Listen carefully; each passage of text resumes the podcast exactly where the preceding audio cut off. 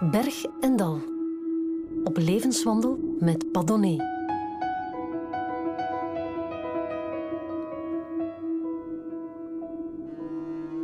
Diep verscholen in de donkere bossen van Schravenwezel staat het goudgele droomkasteel van Axel Vervoort.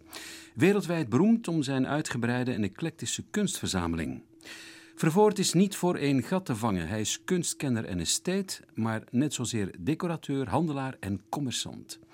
Dit jaar opent Vervoort Stichting een creatief dorp aan het kanaal in Weinigem, waar dan weer niets te koop zal zijn. Wie is deze man? Dag Axel Vervoort.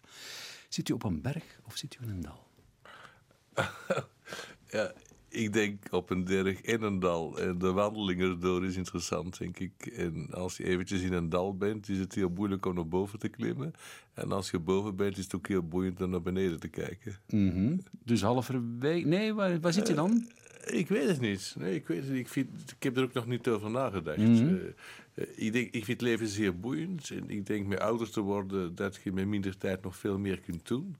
En ik voel me helemaal niet meer minder actief, maar nou meer actief. En ik denk dat ik met minder tijd nu veel meer kan doen. Door de ondervinding, door de mensen die ik ken. Door de, de, de, ja, de ondervinding in kunst. Het beter begrijpen van kunst is voor mij wel een enorme leidraad om, om, uh, om het leven ook beter te begrijpen. Maar ook, het kan ook via de natuur of via kunst of via gesprekken of filosofie. Ja. Je hebt uh, de wat heet pensioengerechtigde leeftijd bereikt. ja, ja. Maar ik denk niet dat jij een pensioen denkt. Nee, nee, nee, dat heb ik, dat heb ik niet aangenomen. Nee. En is dat doorgaan tot het einde? Uh, dat weet ik niet. Ik leef nu en ik zou wel zien. En ik heb een fantastisch boeiend leven. En ik heb ook het geluk dat ik twee zonen heb die mee in het bedrijf werken. Dus die, die ook dingen, die het leiderschap van het financieren en zo, dat doet mijn zoon Boris. En, en al de, de, de real estate projecten, die leidt mijn andere zoon Dick. En dat geeft natuurlijk een enorm uh, gevoel van. Van vrijheid voor mezelf. Dus ik kan me echt wijten aan het dieper ingaan op de dingen, waarom kunst boeiend is. Uh, kunst ontdekken die, die minder gekend is, die daarna meer bekendheid dan geven, die in grote musea brengen. En die, reden ben ik nu net terug uit Japan, waar ik al de Gutai-kunstenaars ontmoet heb. En mensen die er nog van leefden, van artiesten van 93 jaar, die in een klein soort bidon village woonden. Anderen die in een prachtig huis wonen in de bergen, anderen die een monnik zijn en zo.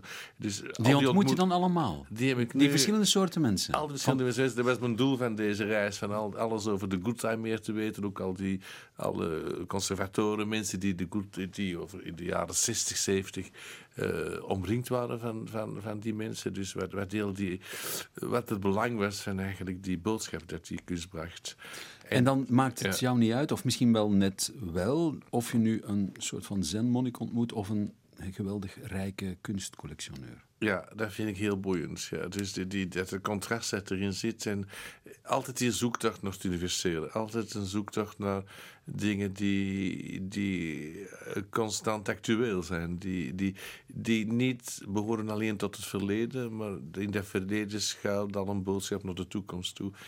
Dat probeer ik altijd nog te zoeken. Je bent een ja. adept, ook alweer een adept van het Xavierus College in oh, Hout, hè? Ja, ja. Onlangs zat hier Geert Noels, die is ook naar Xavierus geweest. Ja. En daar naar verluid heb je al ontdekt van...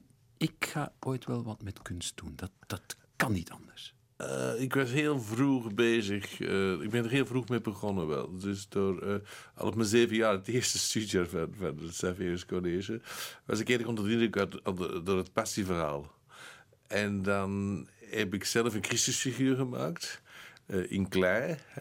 Uh, wat ik wou eigenlijk een Christus maken dat een koning was. Die niet leidde, die, boven het lijden stond. En uh, dat beeld heeft toen heel veel succes gehad. Dat hebben ze dan meer dan honderd keer gereproduceerd. En dat ging al de klasse. En dat is dus een beetje een eerste vorm van een zeker succes. Waar je dan toch in jezelf ook probeert te geloven. En, uh, en zo ben ik altijd voort blijven gaan met kunst, muziek, van kinds af aan toch? En als ik, ik was al aan het verzamelen met de mogelijkheden die ik had, maar ook tegelijkertijd stenen of stukken natuur of een gevonden stuk hout of, uh, of het eerste met een liefje. Dat, dat, dat deed ik in een apart potje en bracht ik naar mijn thuis. Of, of ging ik aan een oude dame van de geburen cadeau geven of zo. Dus ik heb altijd heel veel aandacht gehad voor, voor heel eenvoudige dingen ook. Voor dingen die, die de natuur zelf schonk. Hè, en met heel veel respect heb gekeken. Mijn vader was paardenhandelaar, dus ik was ook heel veel met paarden bezig. Ik ging ook naar de weien kijken, dus de, uh, ook dat contact met je paard is fantastisch. Uh, wat je, een paard is niet als een hond. Ik hou ook veel van honden, maar een paard kun je niet dat is een dialoog. Daar kun je niet echt baas over zijn. Die, die, die, moet je verstaan, daar moet je één mee worden. Dus als je paard rijdt, als je dressuur rijdt, dat is gewoon één worden met het paard. En dan kun je... paard, paard worden. En bijna paard, op het paard wordt ook mensen. Het is één eenheid. Het is dat je bijna, bijna niets.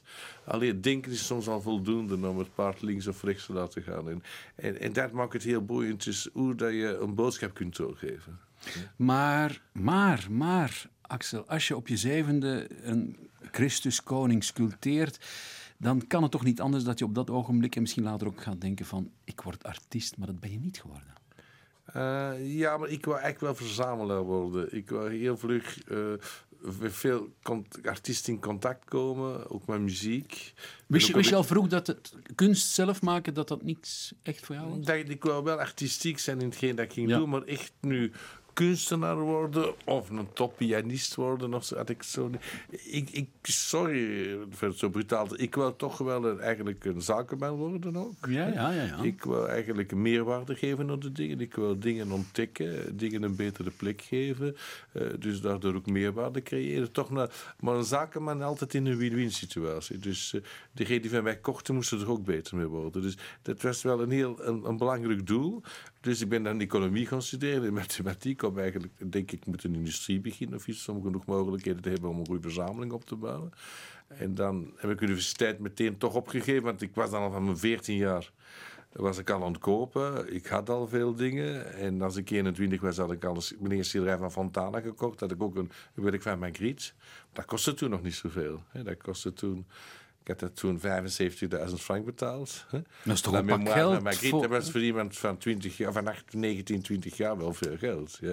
Mijn vader vond het verschrikkelijk dat ik zoveel geld gaf aan, aan zoiets leerlijks. En waar, had je, en waar had je dat geld vandaan omgehaald? Door ik zelf gehandeld had. Ik was dan ik denk 12, 13, 14 jaar al aan het kopen en verkopen aan vrienden van mijn ouders. En als 14-jarige ging ik al alleen naar Engeland uh, uh, bij families die dan kennis van mijn ouders waren. Van mijn vader die de zaak met de paarden mee deed. Die, die, dan ging ik op de zolders zoeken wat er te koop was of in de omliggende dorpen. En zo kreeg ik heel goede contacten met adellijke families ook, die toen verplicht waren om te verkopen met die grote erfrechten die er waren. En, uh, en dat was op mijn 18 jaar heb ik het grootste succes gehad eigenlijk met de collectie van Hertog van Bedford te kunnen kopen. En ik had er toen geld voor nodig, maar dat heeft mijn vader toen willen lenen. Ik moest datzelfde interest betalen dat hij van de bank kreeg. Ik ook geen, uh, ik moest het, uh, was een heel belangrijk ding dat er elke maand de interest was. Dat is ook een goede scholing. Hè? En zo is het steeds gegroeid en gegroeid. En, uh, en dan op 21 jaar heb ik beslist toch van een zaak te beginnen, maar ik wil nooit een winkel hebben. Ik hou te veel van hetgeen dat ik koop. Uh, en dat zijn de onverkochte dingen die mijn collectie zijn. Dus ik wil ook omringd zijn van dingen waar ik veel van hou. En dingen die ik met intuïtie soms gekocht heb, die ik niet genoeg kende. Daar nam ik ook de tijd om er alles over te studeren, met de beste experten te spreken enzovoort. En, en dan heb ik de Vlaikerschijn gekocht op uh, 21 jaar leeftijd. Ja, ja dat, dat was in uh, 1968. 68, ja, ja. Het magische jaar. Ja, ja. Maar dat is toch ongelooflijk eh, hoe, hoe van jongs af al je bezitten handelen te verschacheren moet, mag ik toch zeggen. De echte marchandeur, commerçant ben je ook, hè? Gewoon. Ja, ja, maar altijd mee een, een doel van meerwaarde te geven. Ja. Van dingen een betere plek te geven.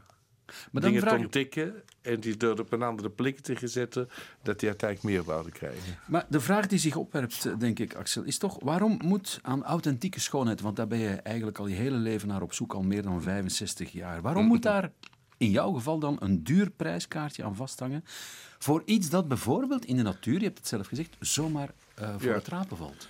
Dat is heel belangrijk, maar toch vind ik ook belangrijk dat de, dat de werk van Fontana nu een onvoorstelbare prijs heeft. Het is ook vraag en aanbod. Die grote, belangrijke werk van Fontana zijn er heel weinig. En er is heel veel vragen. Alle musea in de wereld. Ik vind het ook belangrijk dat die musea in de wereld ook in Amerika de grootste musea aankomt. Omdat het concept van de leegte zo belangrijk daarin is. Even situeren. Fontana, Luciano Fontana is de man die we kennen van de doeken.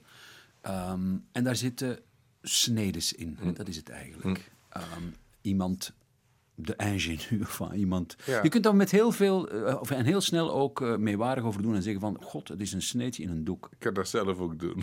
dat die reactie die- heel ja, precies, precies, precies. Eh, maar toch, als je dat kind dan kun je van op zeer groot afstand zie je dat dat een vals of een echte Fontana is. Dat is merkwaardig, hè? ja, dat is heel merkwaardig hoe dat eigenlijk elk ding toch uniek is. Elke lijn die iemand zit, er toch een, een persoonlijkheid in zit, een tijd in aanwezig is, eh, zonder dat hij er iets kan aan doen. Daar kunnen we niks aan doen. Lucio Fontana. Eh, We gaan even naar eh, jou luisteren. Ehm, Axel Vervoort, je gaat een, een stukje uit een interview eh, voorlezen over, van hem. De ontdekking van de kosmos is een nieuwe dimensie, oneindigheid. Ik maak een gat in het canvas en op die manier creëer ik een oneindige dimensie. Dat is precies het idee. Die van een nieuwe dimensie in overeenkomst met de kosmos. Het gat creëert net de leegte die erachter ligt. Einsteins ontdekking van de kosmos is de oneindige dimensie, zonder einde. Ik maak gaten waardoor de oneindigheid glijdt, waar het licht doorheen priemt, waardoor het schilderen overbodig wordt. Het is een tekst die Juliana Ceylans geschreven heeft eh, over Fontana. Ja, en waar hij dus zegt, eigenlijk, het gat creëert de leegte die erachter ligt. En dat is nu net iets waar jij ontzettend, vooral de laatste jaren, door gefascineerd bent. Dat is juist, ja. Dus het is, we moeten ook denken, hoe is dan Fontana ontstaan? Eh, met, hoe is heel de zero-beweging in Duitsland ontstaan? Hoe is heel de Gutai-beweging bestaan in Japan?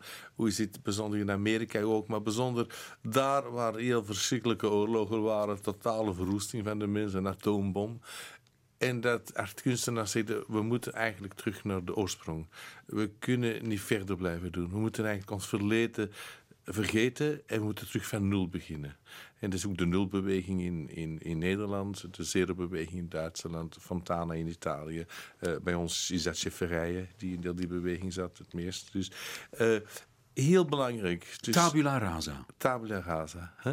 We gaan eh, verf moet verf zijn. Dat is de materie zelf. Verf moet niet meer een appel gaan nabootsen of een landschap gaan nabootsen. Het gaat eigenlijk over de dingen zijn zoals ze zijn. Eh, Fontana zegt, we moeten al, ik, ik moet uiteindelijk, elke geboorte geeft pijn. Maar ik open het canvas. Ik creëer uiteindelijk een ongekende leegte.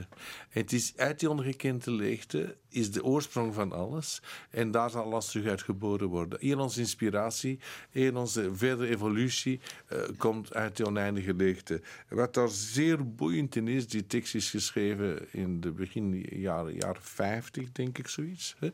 En dat men denkt dat uiteindelijk de wetenschap nog niet zo lang weet dat dat we allemaal kinderen van de leegte zijn. Wel, dat ik- was ik- de Big Bang en daarvoor Precies. was de leegte. En maar dat is eigenlijk bijna wat Stephen Hawking nu schrijft, een van de theoretici over de zwarte gaten, die van mening is dat een zwart gat in ons heelal een soort van navelstreng vormt met een nieuw babyheelal. Absoluut. En, en daardoor vind ik zo de kunst zo boeiend. En, en dieper kunnen ingaan op kunst. Maar daar wordt kunst wetenschap en wetenschap Ja, kunst. exact. En ik denk heel dikwijls, kunstenaars zij werken op een intuïtieve manier. Ja. Die, dat is niet weten, maar dat is iets voelen en dat uitdrukken op een zeer vrije manier, zonder meer of minder te willen zijn wat het is. En, maar die zijn soms 50 jaar voor de wetenschap. En, en dat maakt dat uiteindelijk moderne kunst ook zo waardevol is. Dat alle leiders in de wereld, of grote zakenlui, of mensen die zich willen inspireren om, om mee aan de bouwers te zijn van een nieuwe maatschappij, willen zich ook omringen van, van hedendaagse kunst. Een kunstenaar is een visionair in die zin. En de wetenschapper is eigenlijk iemand die dat, die visie, die, dat visioen eigenlijk nadien bewijzen. bewijzen. Ja, de wetenschap is zeer belangrijk dat die kan bewijzen. Maar ik denk dat alle grote wetenschappers zijn ook visionair. En ik denk nu atoomgeleerden vandaag en al diegenen die aan de CERN in, in Genève hebben meegewerkt. eh, een van de professors, ook een goede vriend van ons, die meegewerkt heeft om teksten en zo, professor De Wolf. Die van de deeltjes versnelt. Bij de deeltjesversnelling. Die, die, om zo ver te komen om dat Higgs-gedeelte te vinden en zo, die zijn ook visionair. En dan proberen in dat, die proberen dat visionair daarna te bewijzen. Het is eigenlijk, eh, zoals je de poëzie kunt ontdekken, bijvoorbeeld in een axioma, heel eenvoudig axioma. Ja. Of in getallen. Ja, ja, in, ja, getallen nemen ook een symboliek. Verhoudingen nemen ook een, een, eh, een symboliek. En meer dan een symboliek. Uiteindelijk die denkverhoudingen ook ons beïnvloeden, de maatschappij beïnvloeden, de mensen beïnvloeden. Daar zijn we nu een studie over bezig. Dat wordt onze tentoonstelling in 2015 voor de Biennale van Venetië. Dat zal Proportio heten. Hoe de verhouding uiteindelijk een, een maatschappij beïnvloedt en de mens beïnvloedt. En daar maken we studies. Met, uh, Verhouding ook, ook uh, pure geometrische verhoudingen? Ja, geometrische verhoudingen met een geïllustreerd met vierkant, de dubbel vierkant, vierkant soort door vijf enzovoort. Ja. Maar ga je nu zeggen dat zo'n vierkant of zo'n uh, ja, kwadratuur van een cirkel, zal ik maar zeggen, dat die onze verhoudingen menselijk kunnen bepalen? Ja, uh, wat heel vreemd is, dat dat in alle culturen, wat dan niet bij de Maya's is, of bij de Chinezen, of in de, bij de alchemisten, het komt altijd terug. Dus uh, vierkant is uiteindelijk de eerste, is eenmaal eenmaal één, is de eerste uh, manifestatie van een goddelijk idee op aarde. Is eigenlijk het geestelijke vertegenwoordigd in materie. Hè? En dus dat is de basis. En wij zijn allemaal op de wereld gekomen, dus om, om die wereld te muteren, om die eigenlijk te doen evolueren. En de, de evolutie is het ronde, is het kosmische, is het oneindige, is uiteindelijk... Dus, dus het alle, uitdijende heelal. Ja, daarom zijn alle sacrale verhoudingen, alle, alleen maar verhoudingen die een relatie hebben tussen de cirkel en het vierkant. Dus diagonaal van dat vierkant wordt vierkant tot de twee, de snede enzovoort. Ja. En dan kom je eigenlijk bij die prachtige tekeningen, wetenschappelijke tekeningen, ook van Leonardo da Vinci. Ja, absoluut. Ja, die wist dat ook al. De Grieken wisten dat ook al. Niet iedereen wist dat. Het groot verschil was dat tot over misschien met de, met de 19e eeuw was dat een soort geheime kennis. Die tot op de doodstraf toe niet mocht doorgezegd worden. Hm? En dat, daarom wil ik nu de tentoonstelling Proportio doen, om daar toch meer boodschap te geven. Omdat ik vind dat dat toch belangrijk is dat meer mensen dat weten.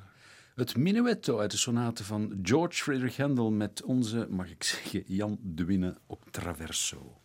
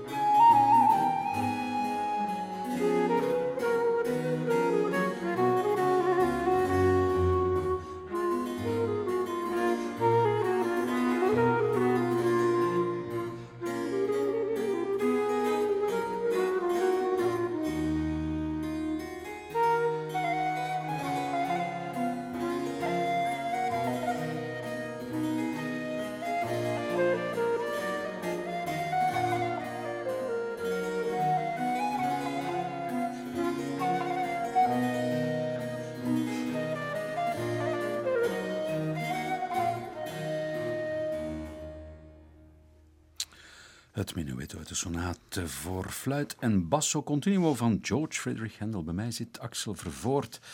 Ja, hij is uh, zowel uh, estate, mag ik zeggen, kunstkenner, maar tegelijkertijd ook uh, kunsthandelaar, antiquair, decorateur, curator. Ik vrees dat ik nog wat dingen ben vergeten, Axel. Um, Kijk, bijvoorbeeld, als curator, dat is ook iets weer van de afgelopen jaar. Het lijkt wel alsof je, als je 60 bent geworden, ineens jezelf bent opnieuw gaan uitvinden. Want uh, je cureert al een paar keren op de Biennale van Venetië een tentoonstelling in een palazzo, uh, Fortuny. Hm. En ik denk dat eigenlijk, een paar keer toch al geweest, eh, daarvan is dat je oud en hedendaags werk samenbrengt. Je confronteert, je dialogeert, archeologie, oude meesters, maar ook avant-garde, hedendaags installaties, bekend, onbekend, oosters, westers, enfin, eclecticisme avant la lettre. En dat is, dat is vervoerd, hè? Ja, ik denk het is, het is altijd die zoektocht naar het eh, universele. Dus waar eigenlijk dingen toch communiceren. Dus een respect hebben voor de verscheidenheid.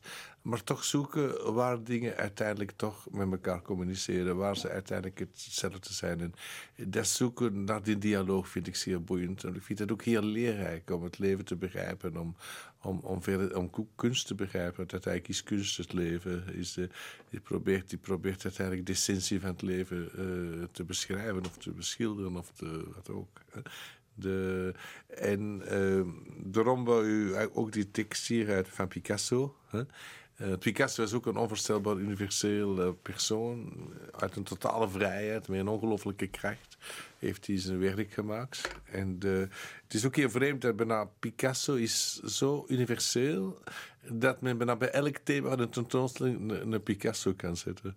Omdat er altijd één aspect is van dat werk dat dan hoort bij het thema waar je mee bezig bent. Hij heeft ook fenomenaal veel gemaakt. Meer dan 50.000 artefacten. Ja, onvoorstelbaar. En men dan zou dan denken, ja, de zeldzaamheid be, be, vermits ze zoveel is, dat zal dan niet veel kosten. Maar dus dat is ook niet zo.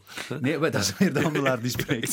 ja, ja, ja. Maar jij verhandelt Picasso? Ja, toch wel. Ja. Ja. En zo'n, een- laten we zeggen, een, een, een, een min of meer degelijk werk van een Picasso. Hoeveel betaal ik dat? En dat kost nu vandaag heel veel. Ja, maar geef eens een bedrag. Wat is de laatste? Wat vraagt Vervoort voor een Picasso? Ja, de laatste die ik verkocht heb is een denk ik van 11 miljoen, een van 8 miljoen eh, euro, zoiets. Ja. Dat is niks. Maar er zijn er ook van 20 en 100 miljoen, maar die heb ik nu direct niet verkocht. Maar allee, wie, wie koopt dat? En die, dat zijn mensen die, die je tot je vrienden rekent. eh, Of tot je Eh, klanten. ja, toch? meeste van mijn klanten worden goede vrienden. Ja, dus ik, eh, eh, Dat zal wel met zo'n ja. klant. Ja, ja, ja, eh, maar dat is meestal ook een heel goede zaak. Diegene die, die, die over x aantal jaar... eh, Picasso blijft toch nog altijd enorm stijgen aan waarde. Ja. Of die heel grote sommen, dat zijn meestal grote foundations of eh, musea. Zeg nu we toch, want eh, we net hadden het over de kosmos, nu gaan we het gewoon eens over, over geld hebben. Hè? Wat is zo het duurste wat je ooit hebt verkocht en wat was dat? Oh, moet ik even terugdenken. Je denkt wel de Picasso. Toch Ja, wel. Ja, ja, ja. Dat is. Dat is nog altijd waar mensen het meeste geld voor veil hebben. Eh, nou, niet maar, maar ik heb heel goede connectie met de familie Picasso. Dus ik kan wel aan, aan heel goede werken geraken. Dus, en en eh, ik hou er zelf ook heel veel Want ik kan ook alleen maar niet verkopen waar ik zelf heel veel van hou. Ik hou ook niet van alle Picasso's. Dus in die Picasso's zoek ik ook een heel grote selectie. En ook zijn ook die Picasso's voor mij die... eh, ja, waar, waar dat esoterische in zit, waar er ook een rust in zit, een mystiek in zit, een, een, eh, een, eh, een, een, een, een tijdloze kracht. Is het niet verbazingwekkend? Je ziet dat bijvoorbeeld in Barcelona in het museum, in het Picasso Museum, waar zijn Ja. vroege werk hangt. Daar hangt, dat zie ik nu ineens voorbij de ingang, een werk van, ik denk 1896. Het is een communicantje. Hij heeft er op zijn twaalfde geschilderd. Dat is feilloos, dat is haarfijn, geraffineerd. Dat is een doek dat van Velasquez eh, zou Ja, kunnen zijn. ja, ja, ja. En in 1906 schildert hij Le Demoiselle d'Avignon. Ineens een cubistisch werk. Op tien jaar tijd, paf. Ja. En dat houdt niet op, hè, ondertussen. Nee, dat houdt niet op. Nee. Dus dat is eigenlijk, ik denk, het is dat visioneren. Dus dat, dat, eh, dat uiteindelijk nog de essentie is. Dat het is niet van het schilderij moet niet het echte kopiëren. Het schilderij moet uiteindelijk over het onzichtbare, het, het onzichtbare materie geven. En dat is een grote kunstenaar zal altijd materie geven aan hetgeen dat ze voelen, maar niet zien. Als ik, sorry, dit wat mij nu te binnen valt. Als ik, als ik jou nu zo hoor praten en zien, je hebt iets van Picasso. Ah, ja, dank u. Ja, maar ik heb het niet over talent, ik heb het over vision. We gaan, ik ga jou eh, eh, eh, Picasso even laten citeren, Ja. Axel. Ja, voor mij bestaat er geen verleden of toekomst in de kunst. De kunst van de Grieken, van de Egyptenaren, eh, van de grote schilders die in vroegere tijden leefden, is geen kunst van het verleden. Misschien is het vandaag meer levend dan ooit tevoren. Pablo Picasso. Wat wil die mee zeggen eigenlijk? Dat het kunst tijdloos is? Goede kunst is tijdloos. En uh, mijn fototentoonstelling in Venetië in het Palazzo Fortuna zal uh, gaan over Tapies als hoofdfiguur. Het concept van de tentoonstelling was uh, de, het oog van de kunstenaar. Dus ik zocht eigenlijk een kunstenaar die een grote verzamelaar was ook zoals ik, dus die echt zich enorm inspireert uit dingen die al bestaan. En daar toch een totaal nieuwe taal mee vormt. En dan is Tapies, denk ik, iemand die de grootste prachtige privé verzameld heeft. Met Picasso, Miro, uh, ook Chiraga, uh, Afrikaanse kunst, Egyptische kunst, uh, maar, boeken. Maar, maar, net dat tijdloos is iets ook wat je ontzettend fascineert. Hè? Ik ik refereer aan uh, Venetië, de Biennale van Venetië in 2009, waar je Infinitum uh, creëert. Ja. En, waar, ja, ja, waar, waar duidelijk blijkt dat, dat kunst inderdaad evolueert. Uh, dat krijgt patina. Ja, dat is ik... meer art tempo, de tentoonstelling geweest. Ja, in 2007. En Infinitum is er gevolg van. Ja. Ja. Maar dat, dus elke laag krijgt een nieuwe betekenis. Uh, ja, zoiets. Het, het, concept echt tempo is where time becomes art, waar tijd eigenlijk kunst zelf wordt. Ik vind de tijd zelf een fantastische anonieme kunstenaar.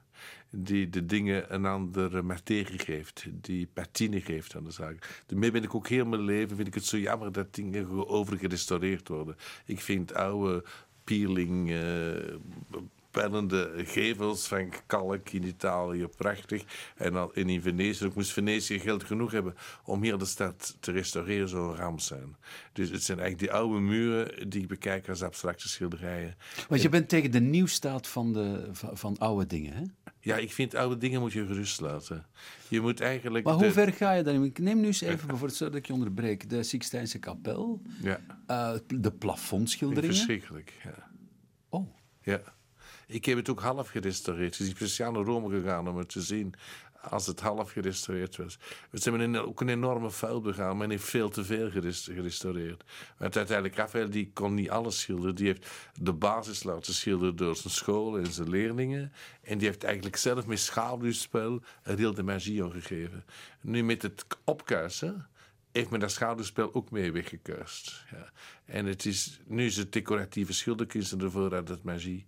Ik vind het, dat vind ik echt Ik had, ik had denk ik echt, ik denk echt gescheiden met de traan in mijn ogen als ze dan bezig waren. Jij hield meer van uh, de oh, schilderingen van Patina? Ja, dat veel meer magie. Als je denkt, al die energie van al die mensen erdoor zijn gelopen, al dat er gebeurd is, laat dat gerust. Dat is een kunstwerk op zich. Ik ben wel voor conservatie als, als die patine die erop zet een oxide bezat of iets uit het oorspronkelijke zou, ja, dan moet je er iets aan doen. Maar ik hoef niet allemaal zo schoon gemaakt te worden. Natuurlijk, het is toch altijd uh, op een koord, op een heel slap koord lopen. Hè? Tussen harde en zachte restauratie, ja, tussen wat moeilijk. houden we en wat hm. vernieuwen we. Ik vind conservatie zeer belangrijk en daar een degelijke studie over maken. Uh, uh, wat moet je doen om om, om iets op een fantastische manier te conserveren. Maar heel veel oude schilderkunst is totaal verknoeid door veel te veel uh, te restaureren. En, en overgecleand te zijn door restaurateurs die, die niet kunnen stoppen. Hoeveel artefacten? Ik heb me laten vertellen, ik zal het zelf zeggen, dat je ongeveer op dit moment een 16.000 uh, artefacten in stok hebt. Ja, we hebben toch ja, 16.000 dingen die, die beschreven zijn in de, in de computer met maten en alles en foto's. Geïnventariseerd. Uh, maar dat zijn allemaal geen belangrijke kunstwerken. Er zijn ook tafels bij, stoelen en, en, uh, en uh, kleinere dingen. Ook. Wat, als we nu, ja. de, wij, hè, ja. ik, een gewone mens, ik vrees de meeste mensen die luisteren. Uh, wij hebben niks te zoeken in bij Vervoort? Toch wel, ja, toch wel. Een, een mooie stoel. Ja. Hoeveel betaal ik? Oh, daar moet ik even nakijken. Oh. Als we in de oude stoks gaan en als dat mensen zijn, normaal gaan we er niet altijd naartoe. Maar ik ben zeker dat er dingen van 100 en 200 euro ook zijn. En er zijn er natuurlijk ook ene die door Corbusier gemaakt is. En die er maar één van bestaat die dan 200.000 euro kost. Die, die natuurlijk ook. En elke maand komen daar 200 dingen bij. Ongeveer, ja. Maar er gaan er natuurlijk ook buiten. maar ik wou echt vragen.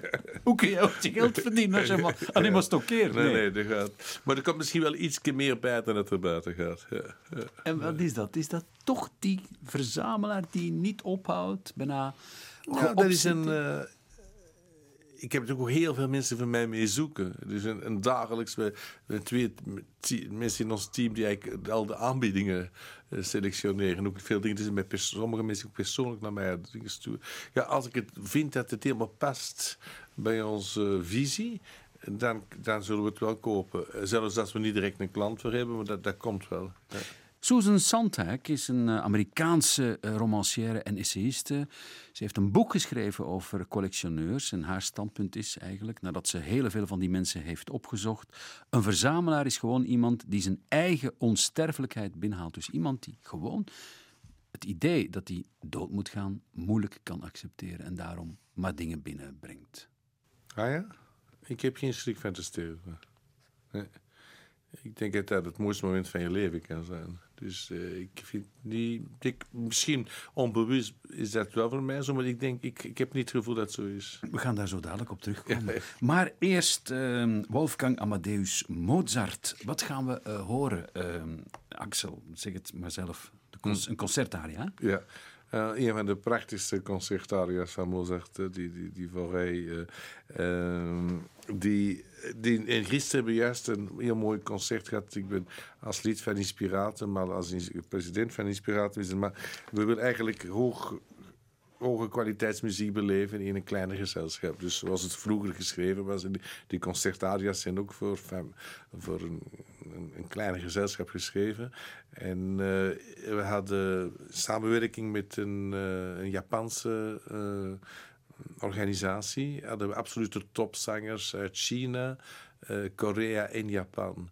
Ook, ook, iemand die er al meer dan twintig jaar mee bezig is, een goede vriend, meneer Horiuchi die een hele grote verzamelaar was, met ongelofelijke kunstkennis. En die nu eigenlijk zich baseert op mensenkennis. En op beste jonge zangers te ontdekken in, in China, die soms niet bemiddeld zijn, die hij mee steunt, die hij mee klasse betaalt en, enzovoort. En waardoor van die 150 of mensen ongeveer die hij zoal gesteund heeft, zijn er toch tien die momenteel wereldsterren zijn, die in de grootste opera's werken. En die hebben we dus gisteren een concert mee gehad. En en uh, dat was een heel boeiende belevenis. En dit ga je nu nog eens een keer opnieuw horen, maar in dit geval met uh, Patricia Petitbon, de sopraan. Ze zingt dus Wolfgang Amadeus Mozart met Concerto Köln.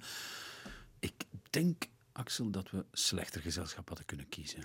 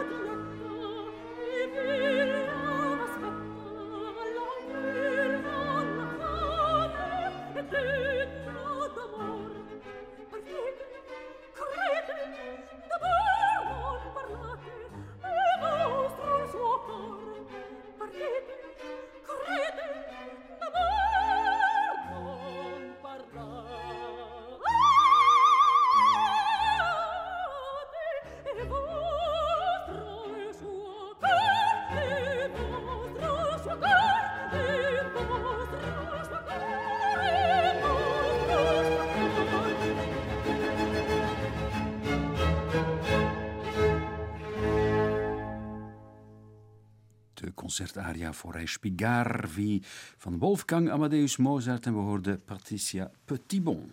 Berg en Dal met Padonnet. En met Axel Vervoort, uh, antieke handelaar, kunstkenner, uh, die bij mij zit. Uh, Axel, het oosten inspireert me, zeg je, maar we kunnen het oosten ook in het westen vinden. Hoezo? Ja, ik denk dat we nu echt in een wereldmaatschappij leven waar uh, heel veel Oosterse mensen meer Westers worden en Westerse meer Oosters worden. Ik denk eerder dat de, de Oosterse filosofie bijzonder de kennis van de leegte en men zichzelf leeg moet maken om ontvankelijk te zijn, is zeker iets dat we van het Oosten leren. En ik denk in het Westen hebben we ook zoveel andere dingen weer opgebouwd en andere waarden die dan weer de, de Oosterse mensen inspireert. En ik denk nu die East meets West. Uh, alles dat dat in zich heeft, vind ik wel zeer boeiend en actueel. Ja, ja en dan heel specifiek ben je, mag ik dat zeggen, geïntrigeerd geraakt door de wabi-sabi. Ja, door, uh, het is de schoonheid van de imperfectie. Hè? Dus wij als mensen zijn toch eh, niet volmaakt. Dus, en we moeten ook nederig genoeg zijn om dat te beseffen. We kunnen wel naar perfectie streven, maar absoluut ruimte laten voor hetgeen dat niet perfect is, dat sommigen het goddelijke noemen. En uiteindelijk die ruimte te laten voor hetgeen dat niet perfect is. Dus- en het oneindige zit uiteindelijk in dat onvolmaakte. We zullen eens eerst luisteren naar uh, Tatsuro Miki in zijn hypoloog voor In het spoor van Wabi. Enfin, jij gaat het lezen, maar dat is wat uh, een Japanner zelf, een ras-echte Japanner, erover zegt. Ja, het is ook een Japanner die al twintig jaar architect is eh, in, in België. Hè? En die uiteindelijk in moderne architectuur toch uiteindelijk miste dus die oude traditie van het Japan van het die contact met de natuur, met de gewone dingen. Dus die, heel die Minka-filosofie. Iets dat mij ook enorm fascineerde. Hoe dat uiteindelijk zo'n Japans huis, zo'n Japanse Minka, hoe dat, dat toch enorm overeenstemt met een Vlaamse schuur. En hoe, maar het verschil is dat in Japan dat iets heel nobels is.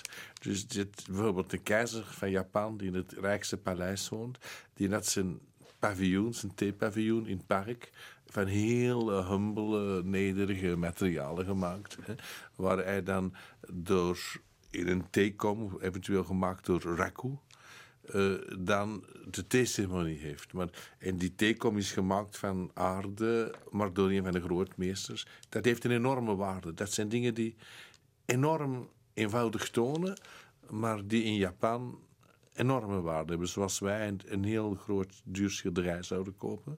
Omdat zo'n teken de raku gemaakt. Het gaat over de leegte. Die geeft een kracht aan de leegte die in een normale kom niet aanwezig is. Dus nu zal ik die tekst even ja, lezen. Dat is zo Mickey. Wabi is de verfijning van de eenvoud. Een pure elegantie, een nobelheid zonder sofisticatie, schoonheid gereduceerd tot zijn ware aard. Hm? De geest van Wabi brengt het concept van de oneindigheid binnen in ons dagelijks leven op een heel persoonlijke manier. In tegenstelling tot het idee van oneindigheid die in het Westen heerst, is het niet iets wat buiten het bereik van de mensen ligt. Het is echt bij ons.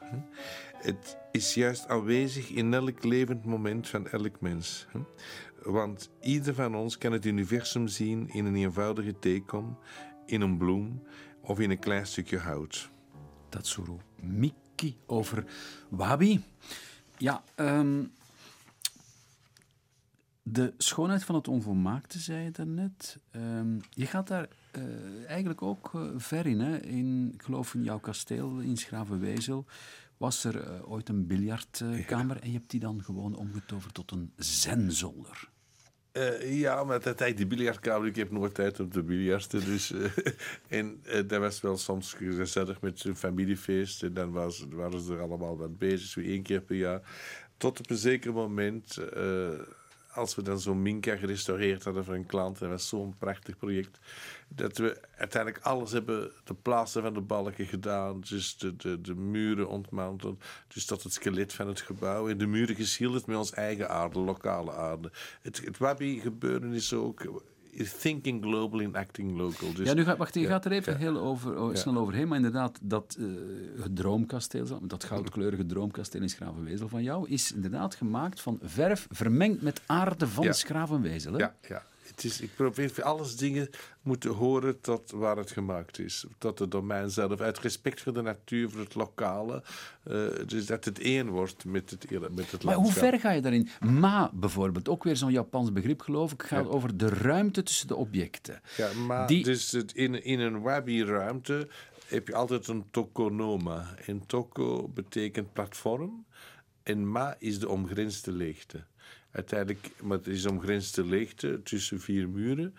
Uh, dus goed architectuur kun je ook zeggen, de maai is fantastisch, want de ruimte die gecreëerd is door die architectuur is uiteindelijk veel belangrijker dan de vier muren. Het zijn de witregels in een gedicht. Ja, exact. In de, de, de, ruimte tussen twee noten, een grote interpretatie van muziek, is ook van de, de kunstenaar die uiteindelijk weet wat hij met die ruimte ertussen moet doen. Een oude klant en kennis van je, die zei: uh, Vervoort is geëvolueerd van een gentleman naar de reïncarnatie van de Boeddha. Hij gedraagt zich als een zweverige goeroe. Oei, oei.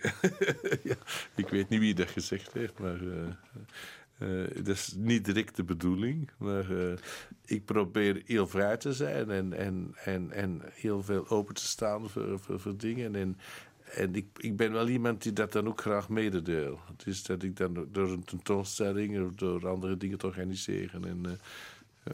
Maar, maar wabi sabi, hè? om het daar even over te hebben. Hè? Wat de ene dan een zweverig goeroeske uh, dingen noemen. En jij zegt, en dat vind ik zo mooi, toch? Het gaat voor mij over eenzaamheid, ouderdom en het, terug gelokaliseerd geraakt in de aarde. Met andere woorden, misschien moet je gewoon oud worden om dat echt te Nee, dat denk ik niet. Nee, ik vind eenzaamheid ook niet. Eh, zo bedoel ik het niet. Nee, eh, eh, ik denk dat we nou eerder eeuwig jong blijven dan, dan, dan ouderdom en eenzaamheid. En, en, en nog veel meer geconnecteerd te zijn met de wereld. En nog veel meer het positieve van alles te zien en daaruit kracht uitputten. Aarding. Ja, aarding, dat is het eerder. Ja. Het is eigenlijk een, een verbonden zijn met het aardse. Eigenlijk het omgekeerde van wat men soms jou verwijt, dat je te zweverig wordt. Je bent net... Ja, misschien wel. Maar ja, ik, ik weet ook niet wat ik ben. Ik doe gewoon. dus eh, de, eh, dat zal wel, wel zwevend naar op aarde komen en terug terechtkomen. Dat zal ze wel evolueren. Dus, zoiets ontstaat ook uit een vrijheid, uit een oprechtheid, uit eh, de dingen te laten afkomen zoals ze zijn. Het er ook open voor staan. Daarom is jezelf leegmaken wel heel belangrijk. En daardoor zijt ontvankelijk. Zijt gewoon kwetsbaar. hè. Dus je moet bereidbaar zijn voor die kwetsbaarheid ook. Maar om, om, om ontvankelijk te zijn voor alle krachten. Kijk je wel eens naar jezelf? eh, eh, ja, dat zal wel in de spiegel. En zegt van, wie is deze man? De vraag waar we van vertrokken zijn daar straks. Ja. En Hoe bedoel zou je? Eh, Ja, dat je, dat je, want je bent inderdaad niet voor één gat te vangen, hè? nee, dat waarschijnlijk niet. Nee. ja, dus, omdat ik... Beetje onvatbaar, toch? Ja, waarschijnlijk voor mezelf ook. Ja. En dat vind ik ook niet erg. Toch ook voor jezelf. Ja, ik vind het ook niet erg. Ik, vind, ik zou ook niet zo graag tot iets behoren. Tot, tot, tot, tot in een stramien zitten. Van daar moet je volledig in passen. En ik vind absoluut de uitdaging om elke dag terug in vraag te stellen belangrijk. Jij hoort gewoon nergens bij. ja, maar als men vraagt wat is uw beroep, is vind ik het ook heel moeilijk te zeggen. Wat moet ik nu zeggen? Maar je hebt nog tijd, hè? je kunt er nog over Je kunt nog altijd... eh, Ja. Is dit wat je... Ja, dit is natuurlijk wat je wou, hè? Als kind, als, als jongeling. Dat weet ik niet. Ik, ik, ik, als, mij hoeft het dan ook niet. Is, het is wel zo gegroeid. En ik denk altijd dat ik vrij ben. Dat ik elke dag kan kiezen wat ik zou willen doen. En als je dan terugkijkt, dan zie je er wel een lijn in. Maar die lijn op voorhand weet ik nog niet.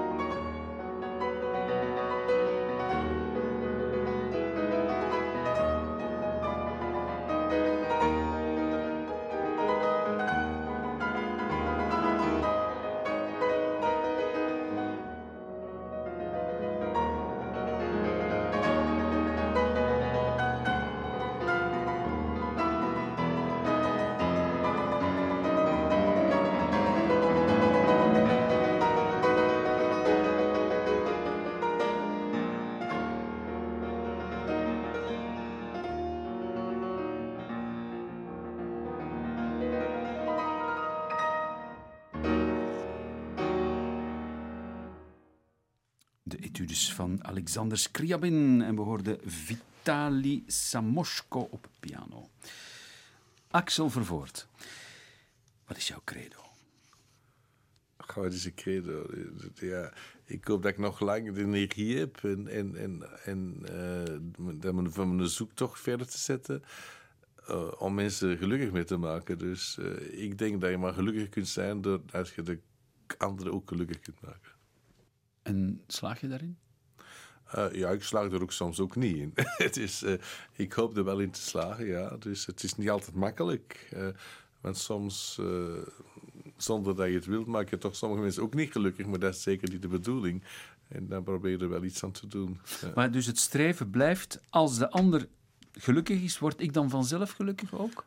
Ja, toch wel. Ik denk het wel. Ik denk als je in staat bent om andere mensen mee gelukkig te maken, om meer inzicht te geven, om, om een extra dimensie in hun leven te leren ontdekken, eh, dat geeft mij toch wel heel veel voldoening.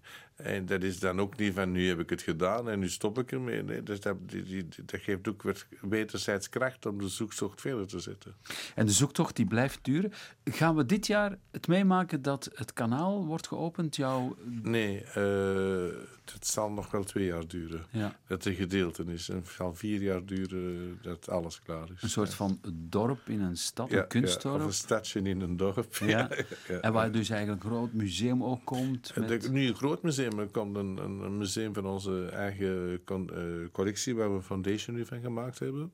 En de, er komen ook de zaak komt er ook, onze architectuurbureaus komen er ook. En er komen ook een honderdtal appartementen, lofts, waar al heel boeiende mensen gekocht hebben. Ik denk wel mensen die in kunst geïnteresseerd zijn, dan moet geen kunstenaar zijn. Er zijn ook kunstenaars bij, ook een vioolbouwer bij, dirigent bij, uh, uh, buitenlanders. En het, ik denk dat het een heel boeiend publiek wordt. Goh, en daar trekken jullie het terug eigenlijk aan het kanaal van Weinigem om in de schoonheid te delen eigenlijk. Ja, ik denk dat het... Het is helemaal geen, zoals een klassiek uh, project van een promotor. Dus wij steken er heel veel van onze eigen ziel in. En uh, ook het heel tempo-concept zal erin aanwezig zijn. Dus dingen where time becomes art. Dus oude muren laten, ook binnen, buiten. Dus de, de, de, de, de kunstenaar tijd uh, zijn spel laten spelen in dialoog met de tedendaagse. we hebben ook met heel goede architecten samengewerkt. Voorlopig ben je nog niet stilgevallen. Nee.